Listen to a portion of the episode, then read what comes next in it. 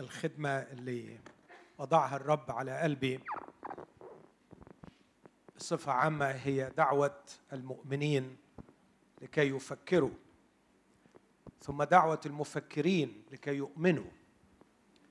فأنا أتعامل مع مؤمنين أصلي من أجلهم لكي يفكروا وأتعامل أيضا مع مفكرين أصلي من أجلهم لكي يؤمنوا. ودايما لما بحب أوجه رسالة ببقى محتار أحط العنوان للمؤمنين لكي يفكروا أم أضع للمفكرين لكي يؤمنوا. ببقى في حيرة. المرة دي يمكن أحط عنوانين أحط واحد للمفكرين لكي يؤمنوا وده مالكمش دعوة بيه ده مش ليكم أنتوا اللي هنا. فأقول الصراع من أجل البقاء أم من أجل الوجود بين المسيح وداروين؟ مالكمش دعوة بالعنوان خالص. الصراع من أجل البقاء أم من أجل الوجود بين المسيح وداروين؟ لكن لاخواتي المؤمنين أضع عنوان آخر وأقول نظرة المسيح للموت وللحياة. أو نظرة المسيح للموت في معناه الحقيقي والحياة في معناها الحقيقية. فهمر معاكم مرور كده على بعض الأجزاء من الكتاب وأنا مرهق ومعيا في صراع الحياة لكن أثق إن كلمة الله تعزيني معاكم وتشجعني. وأنا فعلا عندما أقرأ الكتاب المقدس ولا سيما أقرأه مع إخواتي المؤمنين وأحاول أن أفهمه بستمد قوة مش بس في الروح لكن قوة أيضا في الجسد بعد معاناة يوم طويل. فهستأذنكم نقف مع بعض وإحنا بنسمع بحب وباحترام وبشغف للكلمة المقدسة. ده تبعنا؟ ولا لازم أسيبه مفتوح؟ هقرأ اولا من رسالة كورنثوس الثانية. أصحاح أربعة.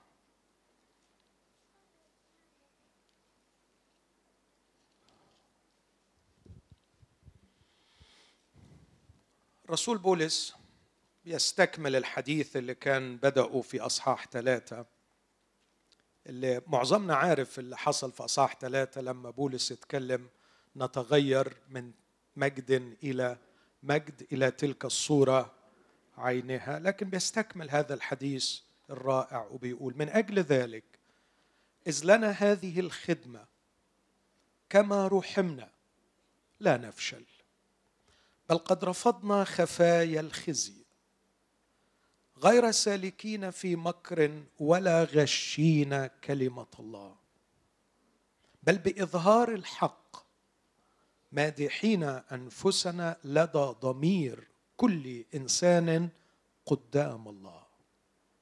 ولكن إن كان إنجيلنا مكتوما فإنما هو مكتوم في الهالكين. الذين فيهم إله هذا الدهر. قد أعمى أذهان غير المؤمنين لئلا تضيء لهم إنارة إنجيل مجد المسيح. إنارة إنجيل مجد المسيح. المسيح الذي هو صورة الله فإننا لسنا نكرز بأنفسنا بل بالمسيح يسوع ربا ولكن بأنفسنا عبيدا لكم من أجل يسوع. عبيدا لكم من أجل يسوع. لأن الله الذي قال أن يشرق نور من ظلمة هو الذي أشرق في قلوبنا لإنارة معرفة مجد الله في وجه يسوع المسيح. ولكن لنا هذا الكنز في أوان خزفية ليكون فضل القوة لله لا منا. مكتئبين في كل شيء لكن غير متضايقين. متحيرين لكن غير يائسين. مضطهدين لكن غير متروكين. مطروحين لكن غير هالكين. حاملين في الجسد كل حين إماتة الرب يسوع لكي تظهر حياة يسوع أيضا في جسدنا. لأننا نحن الأحياء نسلم دائما للموت من أجل يسوع. نحن الأحياء نسلم دائما للموت من أجل يسوع لكي تظهر حياة يسوع أيضا في جسدنا المائت. اذا الموت يعمل فينا ولكن الحياة فيكم. فإذ لنا روح الإيمان عينه حسب المكتوب آمنت لذلك تكلمت. نحن أيضا نؤمن ولذلك نتكلم أيضا. عالمين أن الذي أقام الرب يسوع سيقيمنا نحن أيضا بيسوع ويحضرنا معكم. لأن جميع الأشياء هي من أجلكم. لكي تكون النعمة وهي قد كثرت بالأكثرين تزيد الشكر لمجد الله. لذلك لا نفشل بل وإن كان إنساننا الخارج يفنى فالداخل يتجدد يوما فيوما لأن خفة ضيقتنا الوقتية تنشئ لنا أكثر فأكثر ثقل مجد ابديا. ونحن غير ناظرين إلى الأشياء التي ترى بل إلى التي لا ترى لأن التي ترى وقتية. وأما التي لا ترى فأبدية. أيضا من أقوال الرب نفسه من أقوال المعلم الحبيب ربنا يسوع. في إنجيل يوحنا أقرأ من أصحاح 12 وأصحاح 13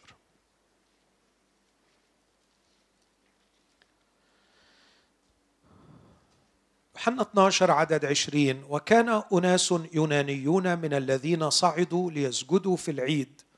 فتقدم هؤلاء إلى فيلبس الذي من بيت صيدا الجليل وسألوه قائلين يا سيد نريد أن نرى يسوع. فأتى فيلبس وقال لأندراوس ثم قال أندراوس وفيلبس ليسوع وأما يسوع فأجابهما قائلا قد أتت الساعة ليتمجد ابن الإنسان. الحق الحق أقول لكم إن لم تقع حبة الحنطه في الأرض وتمت فهي تبقى وحدها ولكن إن ماتت تأتي بثمر كثير. من يحب نفسه يهلكها ومن يبغض نفسه في هذا العالم يحفظها إلى حياة أبدية. إن كان أحد يخدمني فليتبعني وحيث أكون أنا هناك يكون خادمي. وإن كان أحد يخدمني يكرمه الآب. الآن نفسي قد اضطربت. وماذا أقول؟ أيها الآب نجني من هذه الساعة؟ ولكن لأجل هذا أتيت إلى هذه الساعة. أيها الآب مجد اسمك. فجاء صوت من السماء مجدت وأمجد أيضا. فالجمع الذي كان واقفا وسمع قال قد حدث رعد وآخرون قالوا قد كلمه ملاك. أجاب يسوع وقال ليس من أجلي صار هذا الصوت بل من أجلكم.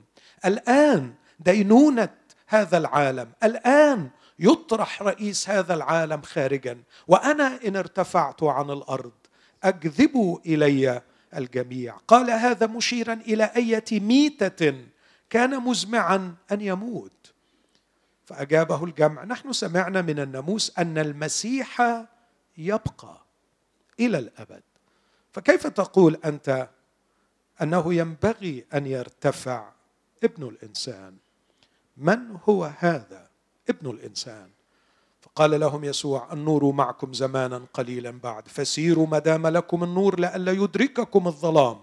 والذي يسير في الظلام لا يعلم إلى أين يذهب. ما دام لكم النور آمنوا بالنور لتصيروا أبناء النور. تكلم يسوع بهذا ثم مضى. واختفى عنهم. أصح 13 عدد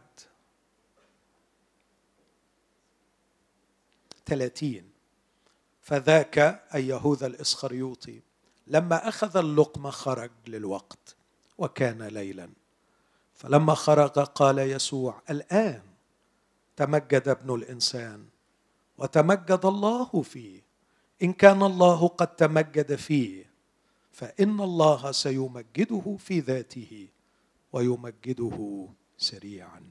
هذه هي كلمة الرب. خلونا وإحنا واقفين نقدم الشكر للرب من أجلها ونقول له يا رب افتح عينينا وقلوبنا علشان نفهمها ونطعم عليها واسكنها يا رب في قلوبنا. أبانا المحب مع إخوتي آتي إليك. بجوع حقيقي وشوق حقيقي لهذا الخبز. يا من علمتنا اعملوا لا للطعام البائد بل للطعام الباقي للحياة الأبدية. يا من قلت ليس بالخبز وحده يحيا الإنسان بل بكل كلمة تخرج من فم الله. أعطي عبدك معونة في الروح والجسد لكي ما يفهم حقك وتعليمك ولكي ما يعطي إخوته ما تعطيه فتزيد النعمة. الشكر لله إذ قد كثرت بالأكثرين. في اسم المسيح يا ابا نستجب آمين. تفضلوا.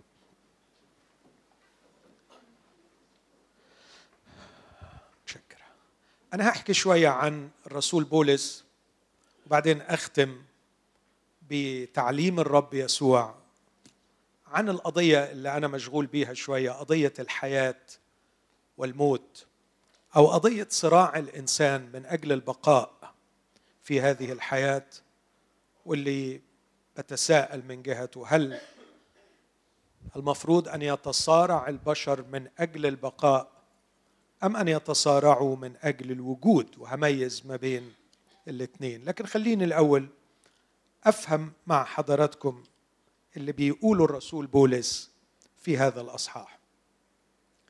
رسالة كورنثوس الثانية كتبها الرسول بولس لأنه المؤمنين في كورنثوس كان عندهم شكوك في رسولية الرسول نفسه. بعض المعلمين الكذبة راحوا عندهم وقالوا لهم ان بولس مش رسول. وكانوا بيعملوا كده ليس حبا في الرب ولا حبا في المؤمنين لكن حبا في أنفسهم. ورغبة في إنهم يأكلوا عيش على حساب المؤمنين آه، وياخذوا وضع ومركز في الكنيسة وهم ليسوا بخدام حقيقيين. فشتتوا أذهان الإخوة وأضعفوا الإخوة والإخوة للأسف في كورنثوس كانوا ضعفاء آه، وما كانتش حياتهم الروحية عميقة فالبعض استجاب لهؤلاء المشككين في رسولية الرسول بولس.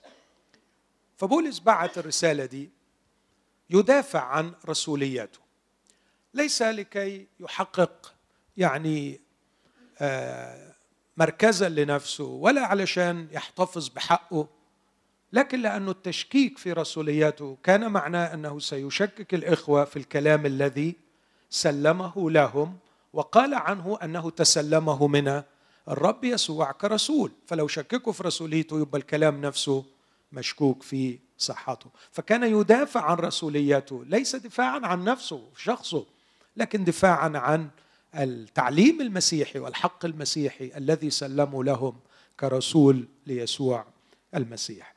الشيء البديع بقى إنه بولس عمل ما أعتقدش اللي كان قصده لكن اللي الروح القدس قصده إن بولس كلمنا عن نفسه كإنسان كما لم يكلمنا في رسالة أخرى. فإحنا هنا قدام شخص جميل هو تلميذ حقيقي ليسوع المسيح أمين جدا في حياته مع الرب أمين جدا في خدمته للرب لكن بيكشف نفسه بيحكي عن نفسه بيطلع لنا مشاعره وخباياه. وأعتقد إن ده كنز بالنسبة لينا كمؤمنين لأنه بنشوف المؤمن آه، في وضعه الطبيعي والحقيقي جدا بدون رتوش. بولس يتكلم عن نفسه. فنعرف هل المؤمنين الغالبين المنتصرين اللي زي بولس كانوا عايشين حياة كده يعني مرفرفين بجناحين وعايشين حياة كده يعني ما ما بيكتئبوش ما بيزعلوش ما بيحزنوش ما بيقلقوش. عايشين كده عارفين في صورة الناس بترسمها للمؤمنين خيالية زيادة. الرسول بولس راح منزلنا كده للواقع ورانا صورة بديعة وابتدى يفهمنا حاجات أعتقد أن إحنا في شديد الاحتياج إليها. وحط لنا فلسفة المسيح. إنجاز لي أن أقول من جهة الحياة والموت. آه، ده اللي هنشوفه مع بعض. أنقل سنة صغيرة وأقول لإخواتي اللي بيفكروا أقول أي فلسفة أو ديانة أو عقيدة هي مش مجرد أفكار في دماغك لكن هي عدسة أنت بتقرأ بيها للحياة من حواليك. فأنت تقرأ الحياة بناء على مجموعة معتقدات حد سقطها لك في دماغك وأنت صغير أو أنت كبير. فالعقيدة أو الدين أو الفلسفة اللي أنت بتعيش بيها هي مش مجرد أفكار. يا ريت ترسي على إنها أفكار في دماغك لكن هي في الحقيقة عدسة. أنت من خلالها بتفسر وبتشوف كل شيء في الحياة. سي إس لويس يقول المسيحية بالنسبة لي أؤمن بصحتها كما أؤمن أن الشمس أشرقت. ليس لأني أراها مشرقة لكن لأني من خلالها أرى كل شيء. لما الدنيا بتنور أنا أؤمن إن الدنيا نورت. مش عشان فتحت الشباك وبصيت فلقيت الشمس أشرقت لكن لأني بقيت أشوف. المسيحية بالنسبة لي هي حقيقة وأؤمن بصحتها عشان من خلالها بديت أشوف أشوف الحقيقة أو أشوف الأشياء على حقيقتها. لو العدسة اللي انت لابسها بتوريك الأمور بشكل مش حقيقي ودايما بتتصادم مع الواقع انت محتاج تراجع العدسة اللي انت مركبها. انت محتاج تراجع العقيدة اللي انت بتؤمن بيها. بالنسبة لنا إحنا كمسيحيين المساله ليست عقيدة أرى من خلالها لكن اسمحوا لي أقول شخص أرى من خلاله فأنا آمنت بالمسيح ولست آمنت بعقائد عن المسيح. في فرق؟ آه. أنا اتحدت بشخص يسوع المسيح.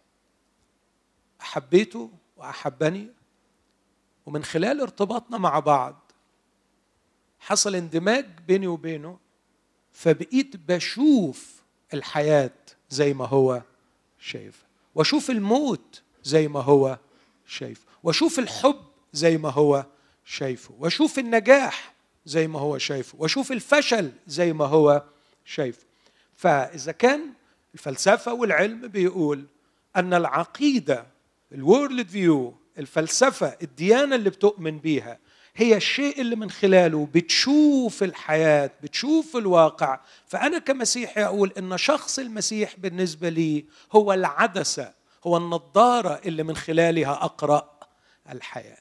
وأنا يا إخوتي الاحباء مسيحي بقدر ما أرى الحياة من خلال يسوع المسيح.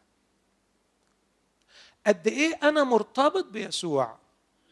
قد إيه أنا ملتحم مع يسوع؟ سؤال الإجابة عنه صعبة. قد إيه بتحب يسوع؟ قد إيه أنت ملتحم بيسوع؟ برنم له كتير بفكر فيه كتير بخدمه كتير. ممكن تكون كل دي حاجات صح بس اسمح لي أقول أنا الإجابة اللي أعتقد إن هي اللي المفروض تكون بتحكمنا. قد إيه بشوف كل شيء زي ما يسوع شايفه؟ كل شيء كل شيء. الموت والحياة النجاح والفشل الضعف والقوة الربح والخسارة البشر البغضة الكراهية الحب الزواج العمر الصحة الفلوس.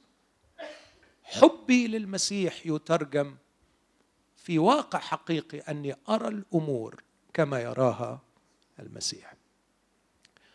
أنا أعتقد أن بولس هنا يا وصل للمرحلة دي.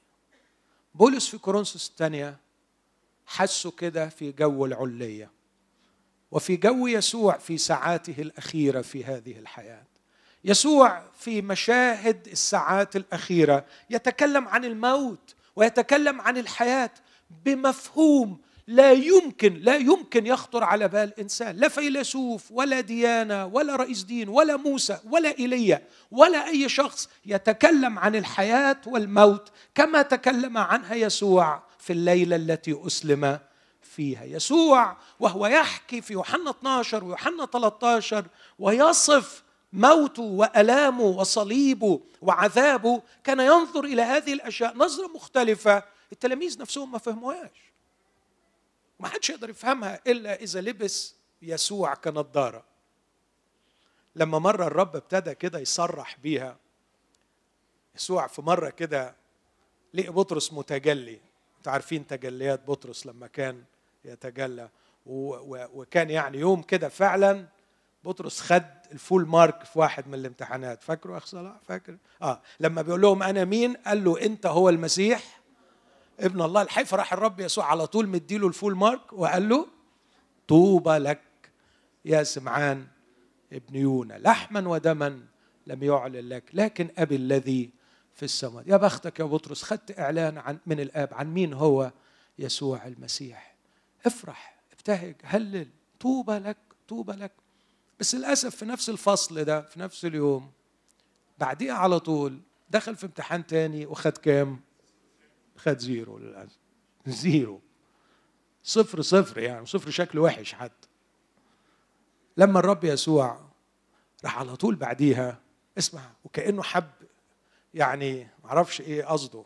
رهيب يسوع. مرات كتيرة بيبقى يعني في حتة شقاوة حلوة كده. يعني يحب يكشف الحقائق كده ما يحبش الدنيا تبقى. فلألا بطرس تاخده الجلالة وينسى روحه ويفكر إن هو A plus و A star و full mark وحاجات كبيرة كده فراح عامل الامتحان ده. ولكن هو كان جه وقته الحقيقة. من بعد ما تم الإعلان عن من يكون يسوع المسيح إن هو ابن الله الحي قال لهم حلو خالص. إذا كنتوا فهمتوا كده يلا بينا نغير بقى المنهج ونعرف إنه مش أنا المسيح ابن داوود اللي جاي علشان أملك على إسرائيل. خلاص نغير بقى الموضوع ده. في قصة تاني خالص لازم تفهموها. فمن ذلك الوقت ابتدأ يسوع ينتهرهم ويقول لهم لا يخبروا أحدا أن يسوع هو المسيح. أنتم متخيلين؟ حد فيكم قرأ الحكاية دي؟ شكلكم ما قريتوهاش. طب اقروها معايا في إنجيل لوقا صح تسعة علشان تستغربوا. حلو إن إحنا نقرأ الأناجيل مع بعض كلها. ونركز في اللي إحنا بنقرأه. في لوقا تسعة الرب يسوع في عدد 18 وفيما هو يصلي على انفراد كان التلاميذ معه فسألهم قائلا من تقول الجموع إني أنا؟ هنا لوقا بيسجل نسخة مختصرة من القصة. لغاية ما نوصل لعدد عشرين. فقال لهم وأنتم من تقولون إني أنا؟ فأجاب بطرس وقال مسيح الله. نقطة نسكت. بعديها يقول إيه؟ فانتهرهم وأوصى أن لا يقولوا ذلك لأحد. ما يقولوش لحد انه هو مسيح الله. مش ما يقولوش لحد إنه هو المسيح ابن الله الحي. ده مفهوم وده مفهوم. المسيح ابن الله الحي يسوع في كينونته مسيح الله يسوع في وظيفته. المسيح ابن الله الحي على هذه الصخرة أبني كنيستي. مسيح الله ابن داوود اللي يخلص إسرائيل. فمن هنا الرسالة المسيحية هتاخد سكة جديدة خالص. هيبقى في بيت لله أساسه صخرة اسمها المسيح ابن الله الحي. وهيجي أشخاص من كل قبيلة ولسان وشعب وأمة وكل واحد فيهم هيتحول بعمل الروح القدس ويبقى حجر حي ويتبني على الصخرة دي وهو يسوع الأساس ومحدش هيحط أساس غيره ويتكون لله بيتا روحيا. هو كنيسة الله الحي عمود الحق وقاعدته ودي اللي هيسكن فيها إلى أبد. الآبدين وده هيبقى مسكن الله مع الناس. ففي قصة غريبة جديدة سر ما كانش حد عارفه هيتحقق على من يكون يسوع المسيح على شخص يسوع المسيح. لكن فكرة إن يسوع هو مسيح الله دي القصة اللي كانت كتب العهد القديم بتتكلم عنها إنه من نسل داوود هيجي واحد وهيعمل إيه؟ وهيملك. طب هو يعني المشروع القديم ده اتلغى؟ لا ما اتلغاش لكن اتأجل. بس يسوع من هنا من الوقت ده قال لهم ما تقولوش لحد إني إن يسوع هو مسيح. تصور الكلام ده موجود بوضوح شديد في متى 16 كمان مش بس هنا في متى 16 الرب بعد ما على طول قال حكاية آه، تطويب بطرس بعديها في عدد واحد عدد آه، عشرين بعد ما قال له طوبى لك أعطيك المفاتيح في عدد عشرين حينئذ تخيل حينئذ أوصى تلاميذه ألا يقولوا لأحد إنه طب إيه الحكاية؟ هو عيب إن إحنا نقول إنه إن يسوع المسيح هو إن يسوع هو المسيح؟ عيب؟ طب ليه يسوع بيقول لهم ما تقولوش لحد؟ طب مش هو يسوع جه علشان الناس تعرف إنه هو يسوع المسيح؟ أنت غيرت كلامك؟ لا ما غيرتش. بس خلاص.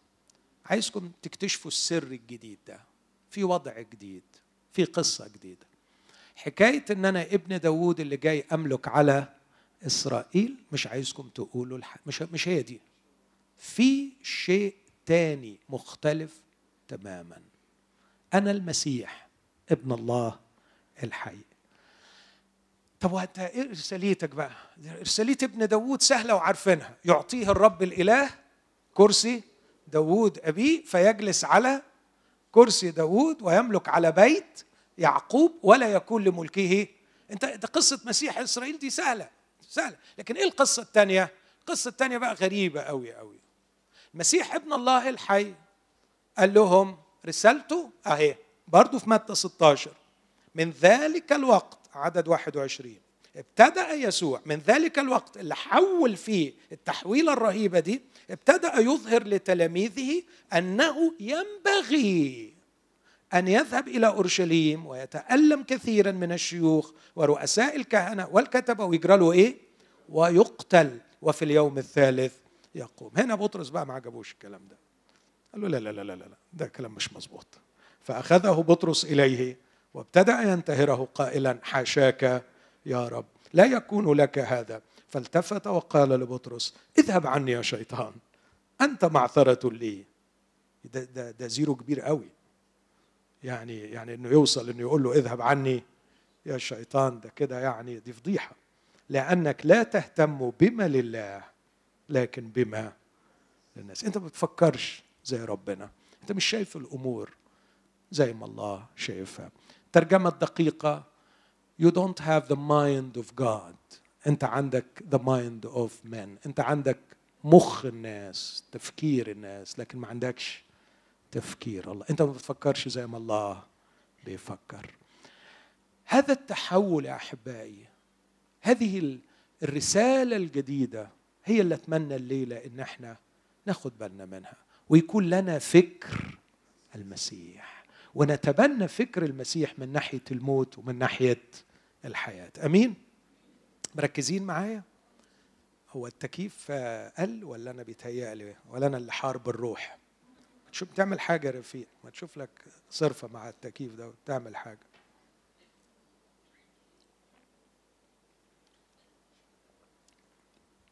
نروح لكورنثوس الثانية ونشوف بولس بيفكر إزاي.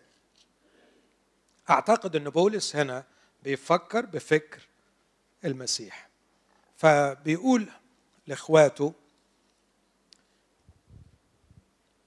بيقول لهم أنا فصاح ثلاثة بيقول لهم إن أنا الخدمة بتاعتي أعظم من خدمة موسى.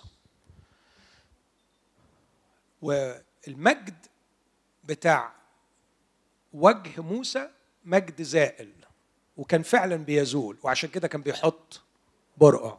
لكن إحنا مش محتاج نحط برقع وإحنا جميعا ناظرين مجد الرب بوجه مكشوف والحقيقة بنتغير من جوه بنتغير من مجد إلى مجد كما من الرب الروح.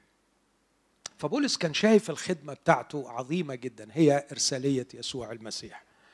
وفي هذه الخدمة كان بولس يرى أنها تعطيه قوة من ناحية أخلاقية ومن ناحية نفسية. كورنثوس الثانية أربعة. من أجل ذلك إذ لنا هذه الخدمة خدمة بهذه العظمة كما رحمنا لا نفشل. الفشل فشل هنا أخلاقي وفشل نفسي. لا هفشل أخلاقيا ولا هفشل نفسيا. عدم الفشل الأخلاقي أو النجاح الأخلاقي يقول بل قد رفضنا خفايا الخزي يعني إيه خفايا الخزي يعني حاجة أعملها في الخفاء أخذ منها في العلن. اسمها خفايا الخزي مش أعمل حاجة في الخفاء أخجل وأخزى إذا الناس عرفوها. لأني عايش حياة مجيدة. عايش من جوة شيء راقي رائع. فرفضنا خفايا الخزي. غير سالكين في مكر ولا غشين كلمة الله بل بإظهار الحق مادحين أنفسنا لدى ضمير كل إنسان قدام الله. وإذا كان الإنجيل بتاعنا مكتوب مكتوب في الهالكين لسبب أن إله هذا الظهر أعمى أذهان غير المؤمنين لئلا تضيء لهم إنارة إنجيل مجد المسيح. الإنارة دي جاية منين؟ ده اللي هيشرحه بص الذي هو صورة الله فإننا لسنا نكرز بأنفسنا بل بالمسيح يسوع ربا ولكن بأنفسنا عبيدا لكم من أجل يسوع يا لأن الله الذي قال أن يشرق نور من ظلمة هو الذي أشرق في قلوبنا لإنارة معرفة مجد الله في وجه يسوع المسيح. لاحظ الترتيب في الآية دي وركز معايا فيه من فضلك. الله أشرق في قلبي بنور معين فاستطعت أن أرى مجد الله في وجه يسوع المسيح ورؤية مجد الله في وجه يسوع المسيح ابتدأت تغيرني أنا من الداخل من مجد إلى مجد إلى تلك الصورة عينها فأنا أرى مجد الله في وجه يسوع الذي هو صورة الله فأتغير من مجد إلى مجد من جوة من جوة مش جلدي من بره أخلاقي وحياتي وكينونتي الروحية. من مجد إلى مجد إلى تلك الصورة عينها. وإذ أتغير من مجد إلى مجد يحدث حالة من الإنارة حولي.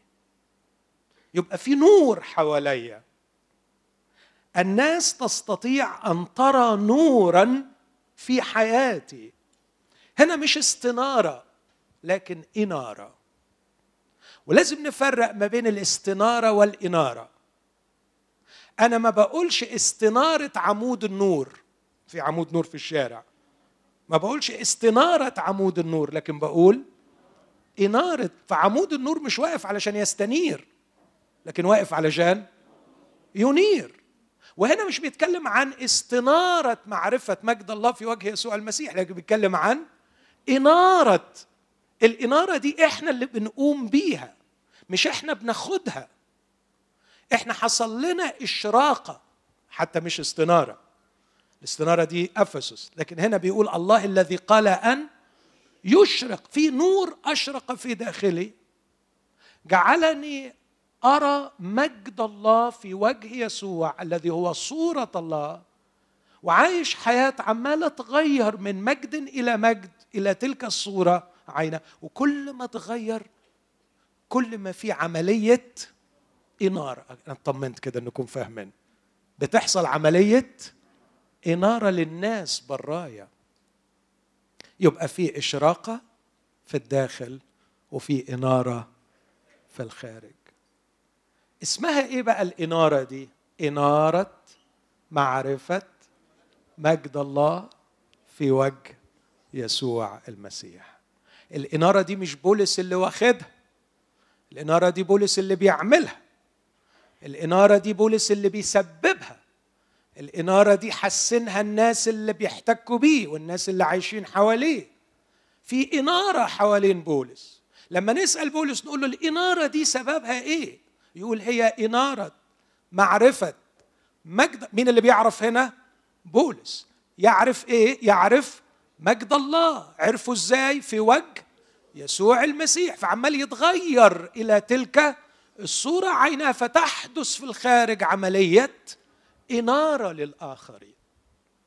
ومن هنا يا إخوتي لا يصبح المؤمن حاملا للنور لكن يصبح هو نفسه نور. وده اللي نفسي إن إحنا نوصل له. يسوع مش بيقول كونوا نور لكن بيقول أنتم نور. مش روحوا احملوا النور للناس لكن كنتم قبلا ظلمة أما الآن فنور للرب. عندنا معتقد سامحوني لما أقول عايز عايز أسلوبي كده يبقى لطيف شوية. صلوا لي عشان الحكاية دي. إنه مرات بيبقى عندنا معتقد غلط بس كفاية غلط كده. إن إحنا نرمي شوية كلام للناس ينورهم. الله ينور عليك.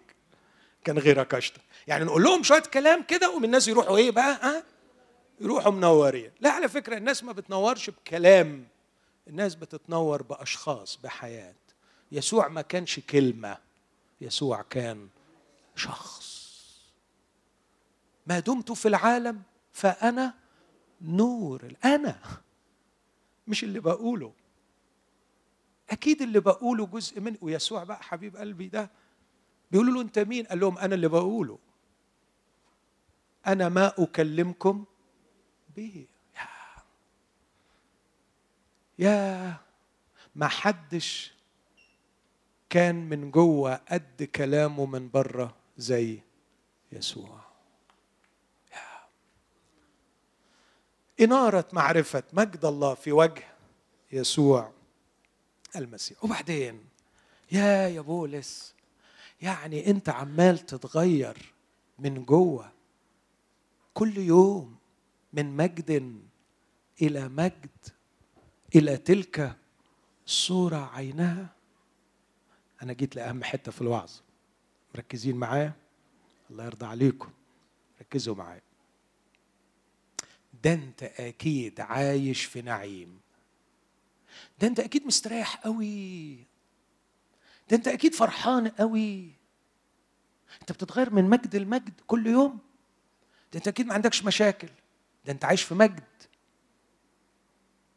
ده انت أكيد منين ما تصلي هي كده. انت تشاور بس وهي تخلص.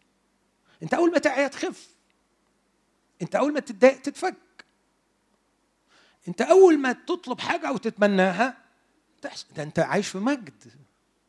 من مجد إلى ده انت طالع على طول. ده انت مشعلل. ده انت مرفرف. أقول إيه تاني؟ أنت إيه؟ آه يعني حاجة كده. عارفين الصورة الوهمية دي اللي في أذهان بعض الناس؟ قال لك اسمع بقى اللي اللي بيتغير من مجد المجد ده واللي عامل عملية إنارة. قال لك لكن لكن الله يخليك ركز معايا لكن لنا هذا الكنز في أوان خزفية ليكون فضل القوة لله مكتئبين في كل شيء. لا لا لا خبيها الآية دي بلاش فضايح. يعني عايز تقول لي إن بولس كان بيكتئب؟ يا راجل. ما يصحش الكلام ده. إزاي يبقى مؤمن ويكتئب؟ طب أترجمها لك ترجمة. أخف شوية لو لو مزعلاك يعني مكتئب دي. اقرا في أي ترجمة إنجليزية. آه الكلمة ترجمتها العربية من الإنجليزية للعربية مضغوط بطريقة لا تحتمل.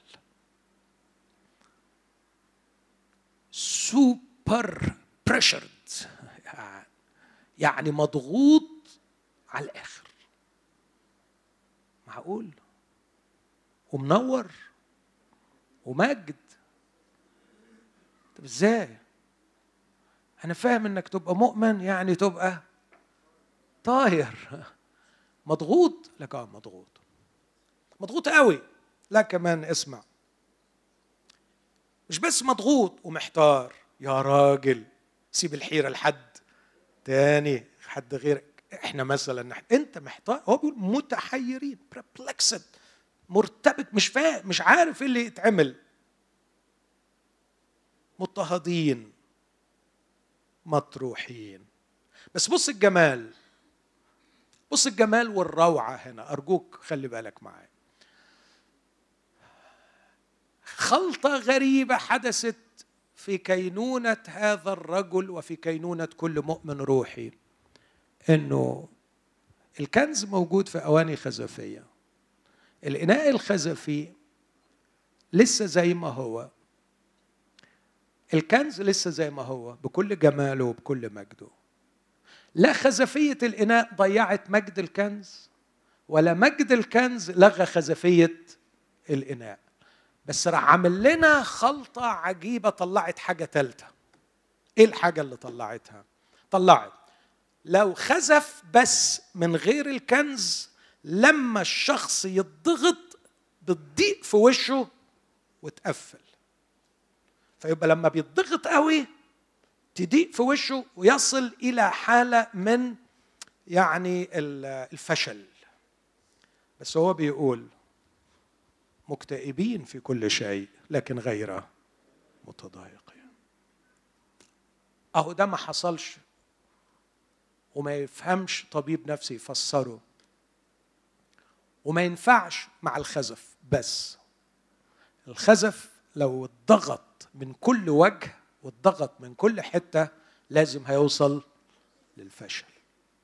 هيتحطم حقيقة هي في الإنجليزي ممكن تترجم destroyed. يعني لما يتضغط من كل ناحية أو crushed. بالظبط. crushed. انسحق. فأنا مضغوط لكن غير منسحق. ليه؟ لأن في جوة كنز. في كنز. في مجد. طب الحالة دي تخلي الواحد شكله إيه؟ بصراحة بيبقى شكله جميل. بصراحة بيبقى فعلا أعجوبة. يعني يبقى مضغوط قوي قوي قوي بس مش مسحوق في في في تيار تعزية عجيب من جوه في حاجة غريبة من جوه في حاجة معلقاه بالله مخلياه مش قاطع الرجاء. مكتئبين لكن غير متضايقين. متحيرين لكن غير ما بتضلمش ما وصلش للديسبير لليأس. لا محتار. بس عارف إن الصبح هيطلع وإن الليل هيعدي وإنه في قيامة وفي قبر هيفضى وفي ليل هينتهي وفي دموع ستكفكف وفي فرحة هتيجي. أكيد أكيد لأن يسوع قد قام. لا أنا محتار لكن مش يائس. لكن كمان مضطهد مضطهدين لكن غير متروكين. كلمة متروكين abandoned يعني لما الشخص يضطهد أكثر شيء بيؤلمه هو أنه يشعر أنه محتقر مرفوض. لكن ده يبقى مضطهد بس ما عندوش أي إحساس بالدونية. مضطهد لكن عنده إحساس بالفخر. ضربوهم أهانوهم لكن خرجوا فرحين إذ حسبوا أنهم مستأهلين أن تخيل واحد حس أنه يا للشرف أنا مستاهل أن أنا أتهان كأنه خد نشان. شيء غريب مضطهدين لكن ما عندناش إحساس بالرفض والدونية. ثم أخيرا مطروحين. بنقع بيسقطون على وجوهنا لكن عمرنا ما هنضيع لن أضيع غير هالكين. شفتوا الخلطة العجيبة دي؟ خلطة عجيبة قوي. الإيمان بالمسيح أعطانا الكنز لم يغير طبيعة الإناء ويجعله إناء من الألماظ. لم يزل الإناء إناء خزفيا.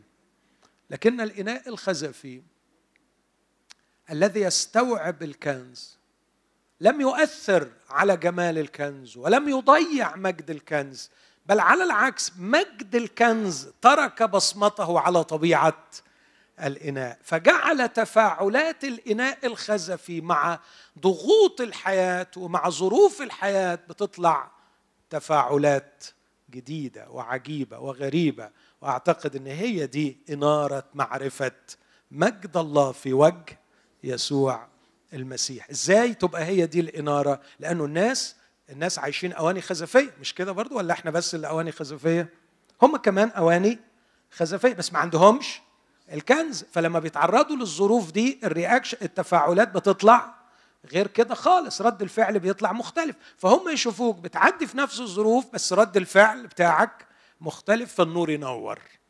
يقولوا آه هنا في حاجة مختلفة. فيسألوننا عن سبب الرجاء الذي فينا ونكون نحن مستعدين لمجاوبة. النور بينور عند الناس مش لما تقول لهم معلومة لكن لما يشوفوا رد فعل مختلف. بيشوفوا رد فعل عجيب. انت انسان زيك زينا بس ردود أفعالك للضغوط مختلفة. إخوتي الاحباء الرب أرسلنا لناس عايشة مضغوطة. الرب عايزنا ننتشر بين ناس مضغوطين. لو إحنا ما بنفهمش في الضغوط وما بنتعرضش للضغوط إحنا ملناش لازمة. لأن الرب عايز يبعت رسالة للناس إن في ناس زيكم بيتعرضوا لنفس الضغوط اللي أنتوا بتعدوا فيها بس رد الفعل بتاعهم مختلف. فلا مشيئة ربنا إنه يعزلنا عن الناس ولا مشيئة ربنا إنه يقعدنا وسط الناس بس نبقى غير الناس ما بنتعرضش لنفس الظروف اللي بيتعرض لها الناس. ربنا عايزنا نعيش وسط الناس نتعرض لنفس اللي بيتعرضوا له الناس بس بنطلع ردود أفعال غير الناس فتنور الدنيا عندهم ويبدأوا يشوفوا إن في حاجة جديدة فيقولوا اعملوا معروف قولوا لنا عال جواكم علشان تكون ردود أفعالنا زي ردود أفعالكم وساعتها نكون مستعدين لمجاوبة كل من يسألنا. بولس بيحاول يقول إيه فايدة الوضع ده؟ بص بيقول إيه؟ حاملين في الجسد ده عدد عشر كل حين. معرفش ليه ترجموها إماتة الرب يسوع. أكيد ليهم وجهة نظر. هم بي... أكيد كرنيليوس فان دايك بيفهم في, ال... في اليوناني والعربي أحسن مننا. بس في ترجمات إنجليزية ترجموه حاملين موت الرب يسوع. في العربي خلوها إماتة الرب يسوع. اعتقادي اعتقادي يعني مش فاهم قوي لكن اعتقادي إن عملية مستمرة الفرق بين الموت والإماتة. الموت ممكن يحدث مرة الإماتة عملية مستمرة احتمال يعني حاملين إماتة الرب يسوع. يعني واحد عايش مؤمن عايش حامل إماتة الرب يسوع. مش كتير بنسمع وعظ عن إنه يا أحبة إحنا عندنا امتياز وبركة كبيرة إن إحنا حاملين إماتة الرب يسوع. إحنا عندنا دايما وعظ عن يسوع مات من أجلنا. يعني هو شال موتنا لكن ما حدش بيقول لنا إن إحنا بنشيل موته. سمعتي وعظه إن إحنا نشيل موت يسوع؟ والحقيقة مريم ما تكذبيش. أنا ما سمعتش. قليل قوي. سمعت مليون وعظة بتقول إنه المسيح شال موتي. لكن ما حدش بيعلمني إن أنا لازم أشيل موت المسيح. أنا حملت الكلمة أكتر من ما تحتمل. حاملين إماتة حاملين إماتة الرب يسوع. شرحي الضليع الرهيب. ولا ضليع ولا رهيب. بشرح حاملين إماتة الرب يسوع. يعني نشيل موته. يعني نحمل موته. نحمل موت الرب يسوع. لا ما بقولش الصليب هنا لسه. الصليب دي في حتة تاني لكن هنا بيقول حاملين موت الرب يسوع. بس بيقول لما هنحمل موته لكي تظهر حياة يسوع أيضا في جسدنا. يعني لازم نشيل الموت علشان حياته تظهر. هل يكرز لنا بموت المسيح؟ لكي نحمله أم يكرز لنا دائما بموت المسيح عنا؟ لكن لا يكرز لنا بأنه كمؤمنين علينا أن نحمل إماتة الرب يسوع لكي تظهر حياة يسوع أيضا في جسدنا المات اسمع بولس بيقول إذا الموت يعمل فينا. يا هنفهم يعني إيه الموت يعمل فينا. ولكن الحياة فيكم. بصوا حبايب علشان حد يحيا لازم حد يموت. فكر فيها. نعم؟ الحبة. هقراها لك الحبة. حاضر. حاضر. علشان حد يحيا لازم حد يموت.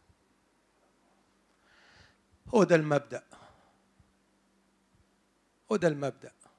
آه أنا موافق على المبدأ ده. يلا كده مين كريم يموت علشان أنا أحيا؟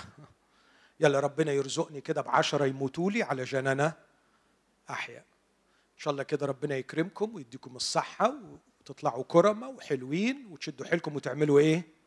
وتموتوا لي علشان أنا أحيا. وكده تبقوا مؤمنين حلوين. يلا يلا شدوا حيلكم. موتوا موتوا موتوا علشان أنا أحيا مش هو ده اللي بيقوله؟ لا مش هو ده اللي بيقوله. بيقول العكس هو نفس المبدأ بس العكس.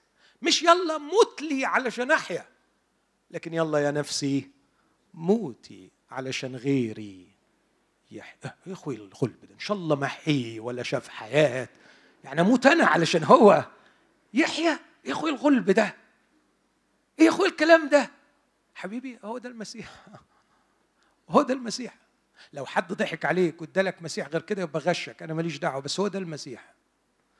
ليكن فيكم الفكر الذي في المسيح.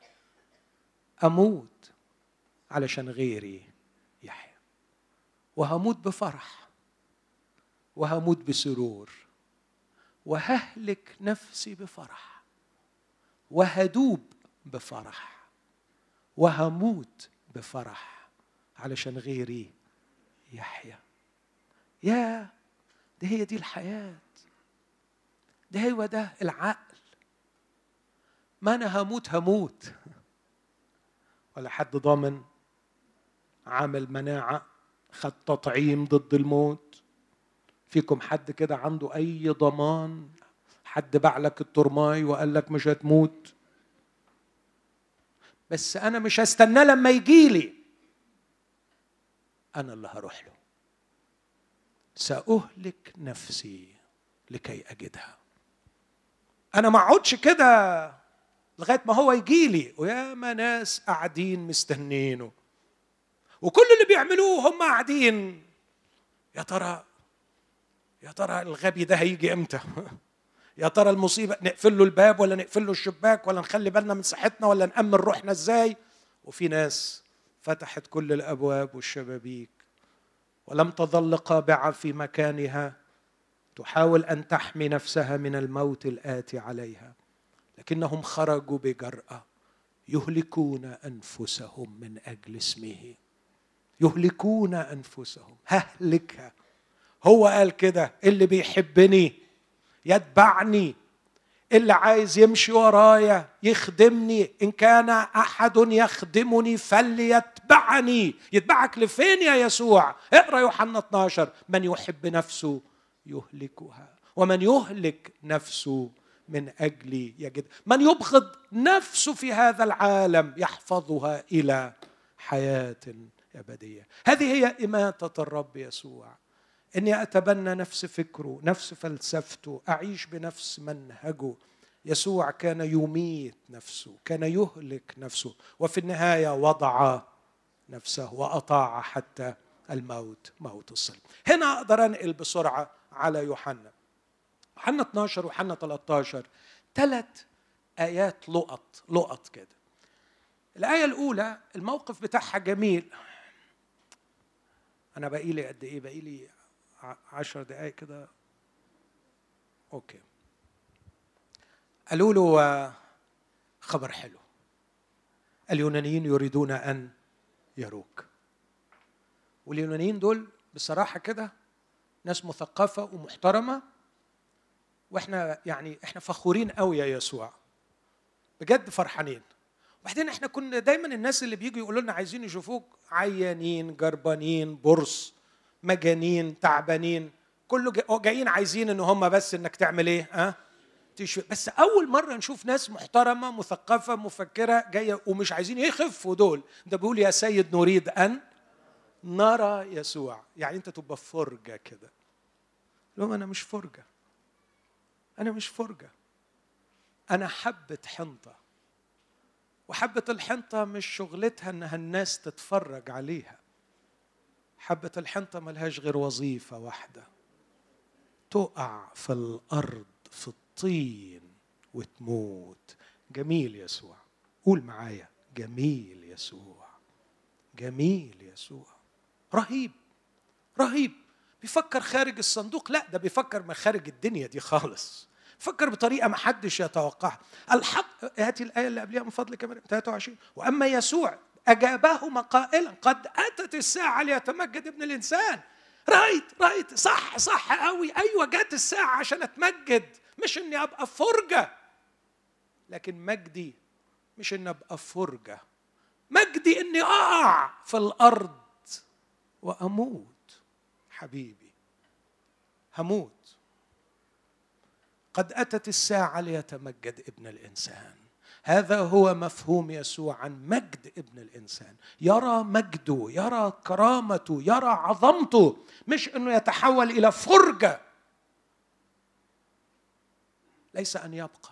بص إن لم تقع حبة الحنطه في الأرض إن لم تقع حبة الحنطه في الأرض وتمت فهي تبقى وحدها. لكن إن ماتت تأتي بثمر كثير. هنا الصدام الأكبر بين يسوع وداروين. داروين سن هذه النظرية الصراع من أجل البقاء. يسوع بيقول الصراع من أجل الإثمار وليس البقاء. بل بالعكس أنا لا أريد أن أبقى أنا أريد أن أموت. أنا أصارع لا لكي أبقى أصارع لكي أموت فأثمر.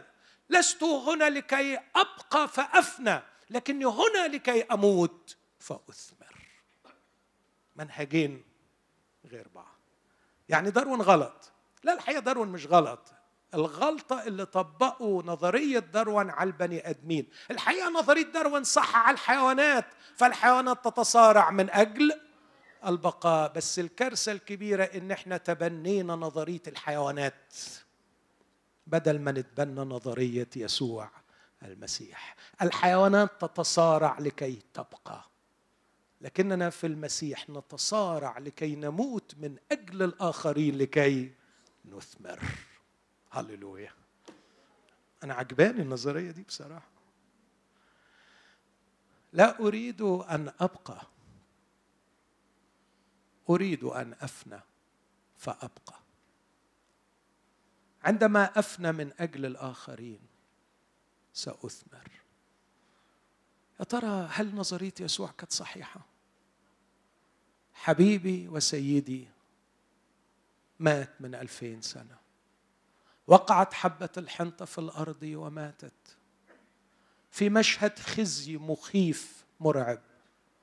في ليلة مظلمة اجتمعت فيها كل أشكال الشر حيث الخيانة والظلم والقسوة والبشاعة. اجتمعت على حبة الحنطة كل أشكال الشر مزقوها حطموها سحقوها قتلوها دفنوها وظنوا أنهم نجحوا. هم الأقوى في صراع من أجل البقاء. بقوا هم ويسوع قد مات.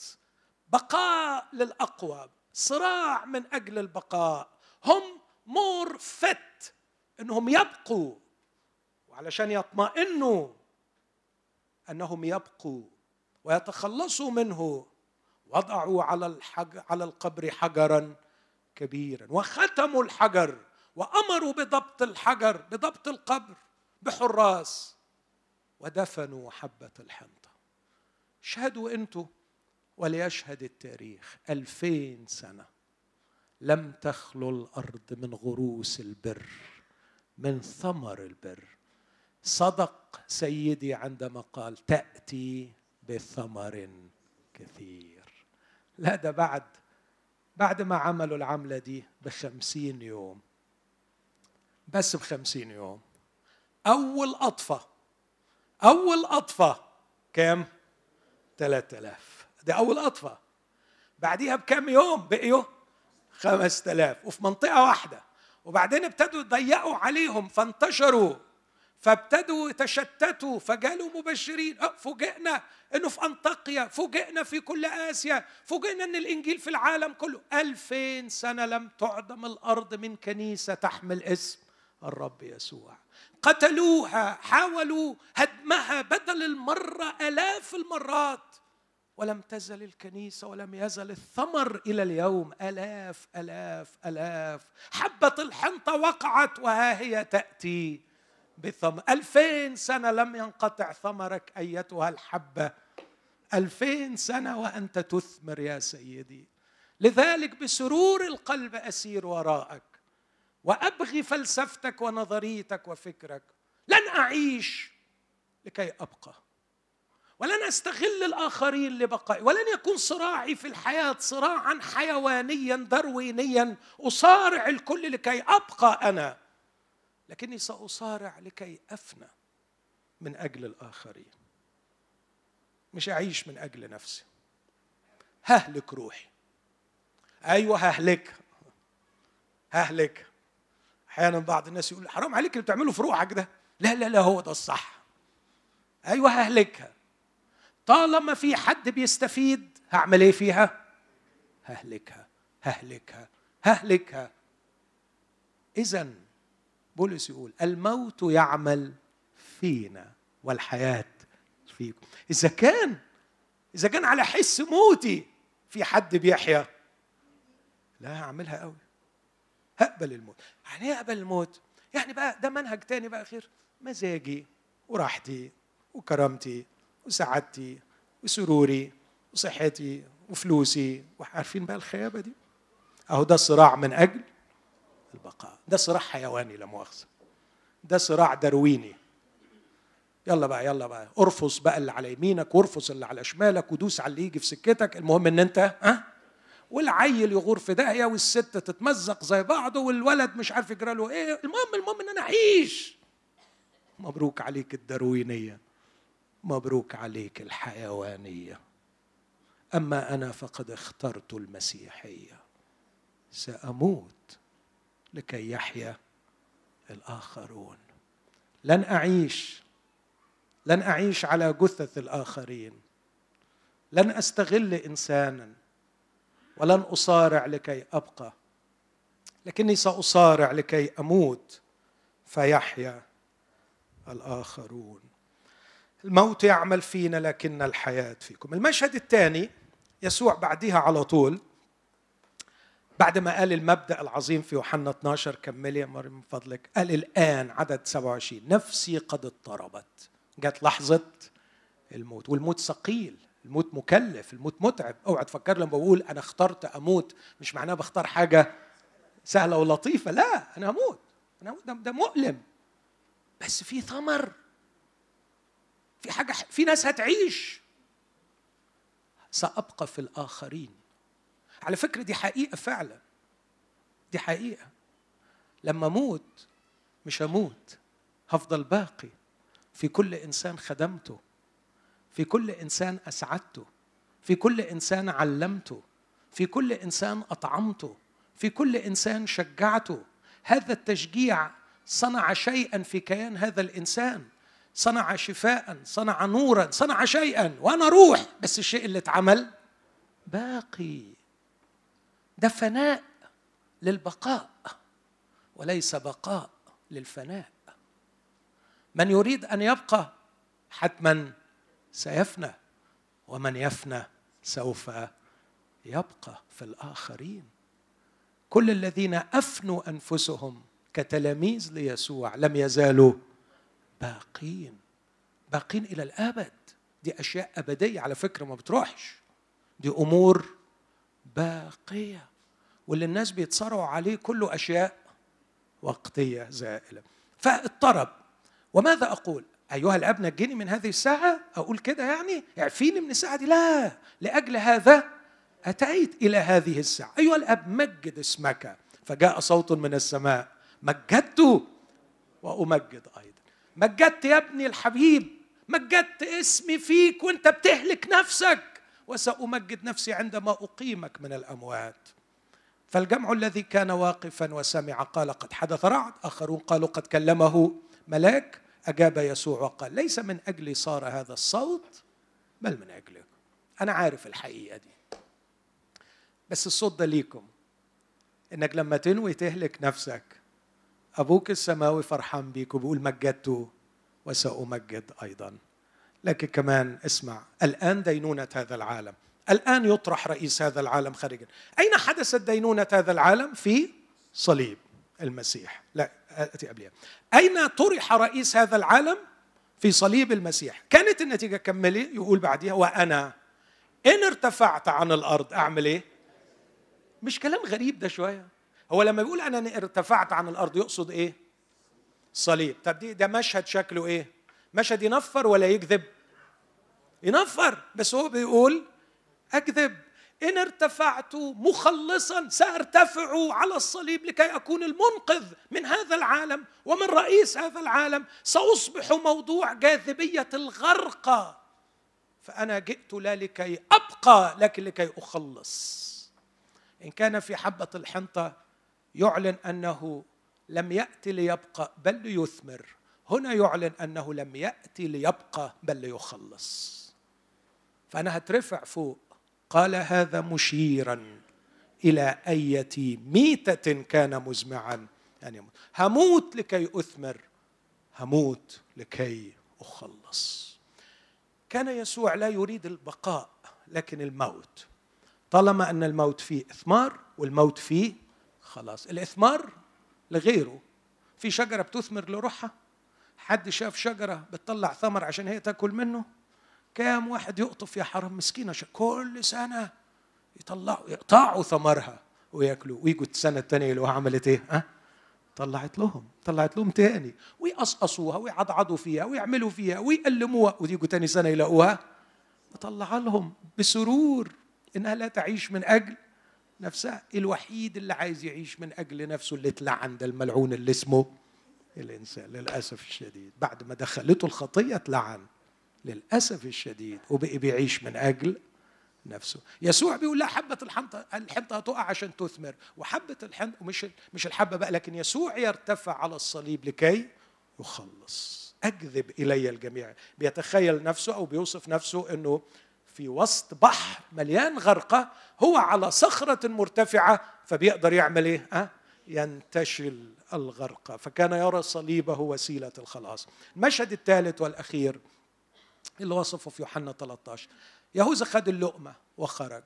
المفروض لما يهوذا يهوذا ياخد اللقمة ويخرج نقول يا دي المصيبة أهو بدأت أحداث الليلة المرعبة. لكن أول ما خرج هاتي عدد 31 فلما خرج قال يسوع الطموا وولولوا لأن ابن الإنسان الآن سوف يسلم. لا الآن. حلو يسوع؟ جبار بصراحة جبار. الآن تمجد ابن الإنسان. يا حبيبي هتتخان دلوقتي. أنت في واحد هيخونك وهيروح يبيعك وهيبيعك بتمن رديء يعني بتمن عبد ميت نطح طور. ب 30 من الفضة. تخيلوا ده كان ثمن عبد ميت بنطح الطور ال 30 من الفضة. فالمفروض تبقى حزين على روحك. يقول الآن تمجد ابن الإنسان وتمجد الله فيه. وده المنظر الثالث. لست هنا لأبقى لكن لأمجد الله. ثلاث مبادئ. لست هنا لأصارع لكي أبقى. هنا أصارع لكي أفنى. أفنى لكي أثمر. أفنى لكي أخلص. أفنى لكي أمجد.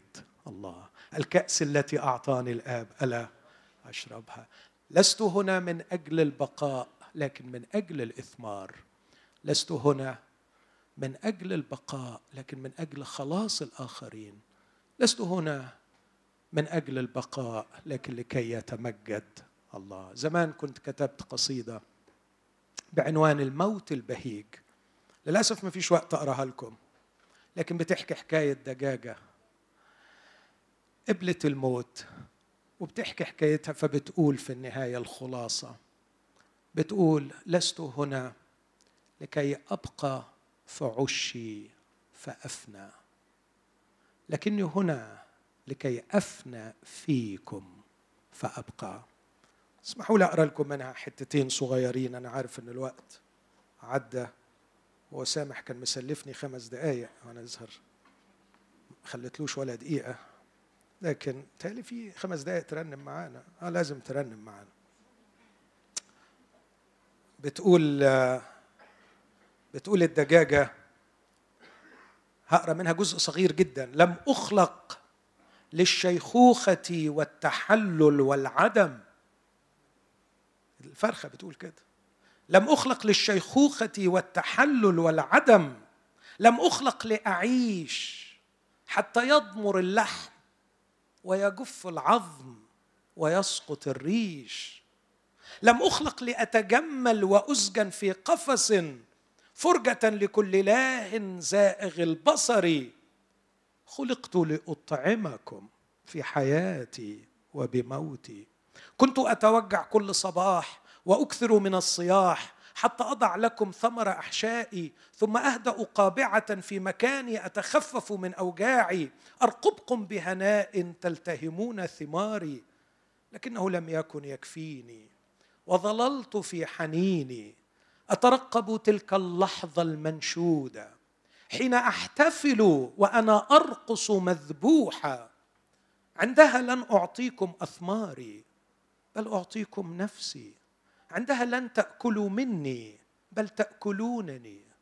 عندها سأطفئ جوع الصغار وأشد عود الكبار. أفنى فيكم فأبقى لا أبقى في عشي فأفنى. إما بقاء ففناء أو فناء فبقاء. لكني اخترت أن أفنى فيكم فأبقى. أبقى فيكم لحما فتيا وعظما قويا. أبقى فيكم نشاطا وجمالا وعملا. أبقى فيكم شعورا وفكرا وشعرا. وفي النهاية تنتهي القصة بإني ذهبت إلى الحبة لأنها قالت لي إنها اتعلمت ده من حبة الذرة اللي ماتت في بطنها. ولما ماتت في بطنها هي حيت بالحبة وكانت النتيجة إنها قدرت إنها تقدم نفسها. في النهاية بتقول عن مش عارف أقرأ إيه وأسيب إيه الوقت عمال يعدي. آخر القصيدة غابت النبيلة عن عشها صار عشها خاليا منها لكنها صارت هي باقية في. غابت عني لكني لم أزل أسمع صوتها الراقي. ينادي في أعماقي. إما بقاء ففناء أو فناء فبقاء. اخترت أن أفنى فيكم فأبقى لن أبقى في عشي لأفنى. وسمعت وراءها الحبة تردد أنشودة المحبة. إن لم تمت الحبة ماتت المحبة. إن لم تمت الحبة. ماتت المحبة. لكن هللويا قد ماتت الحبة وعاشت المحبة. وجاء دوري جاء دوري لكي أموت. ما خلصنيش علشان أنفش الريش. ما خلصنيش علشان أعيش. خلصني عشان أمشي وراه. وانتهج منهجه وأعيش عشته وأموت. مته وأفني نفسي من أجل الآخرين لكي أبقى. وسوف أبقى. وسوف أبقى. سوف أبقى عندما أختار أن أموت كما هو مات. قوموا بينا نسبحه وننوي إن إحنا نختار هذا الطريق.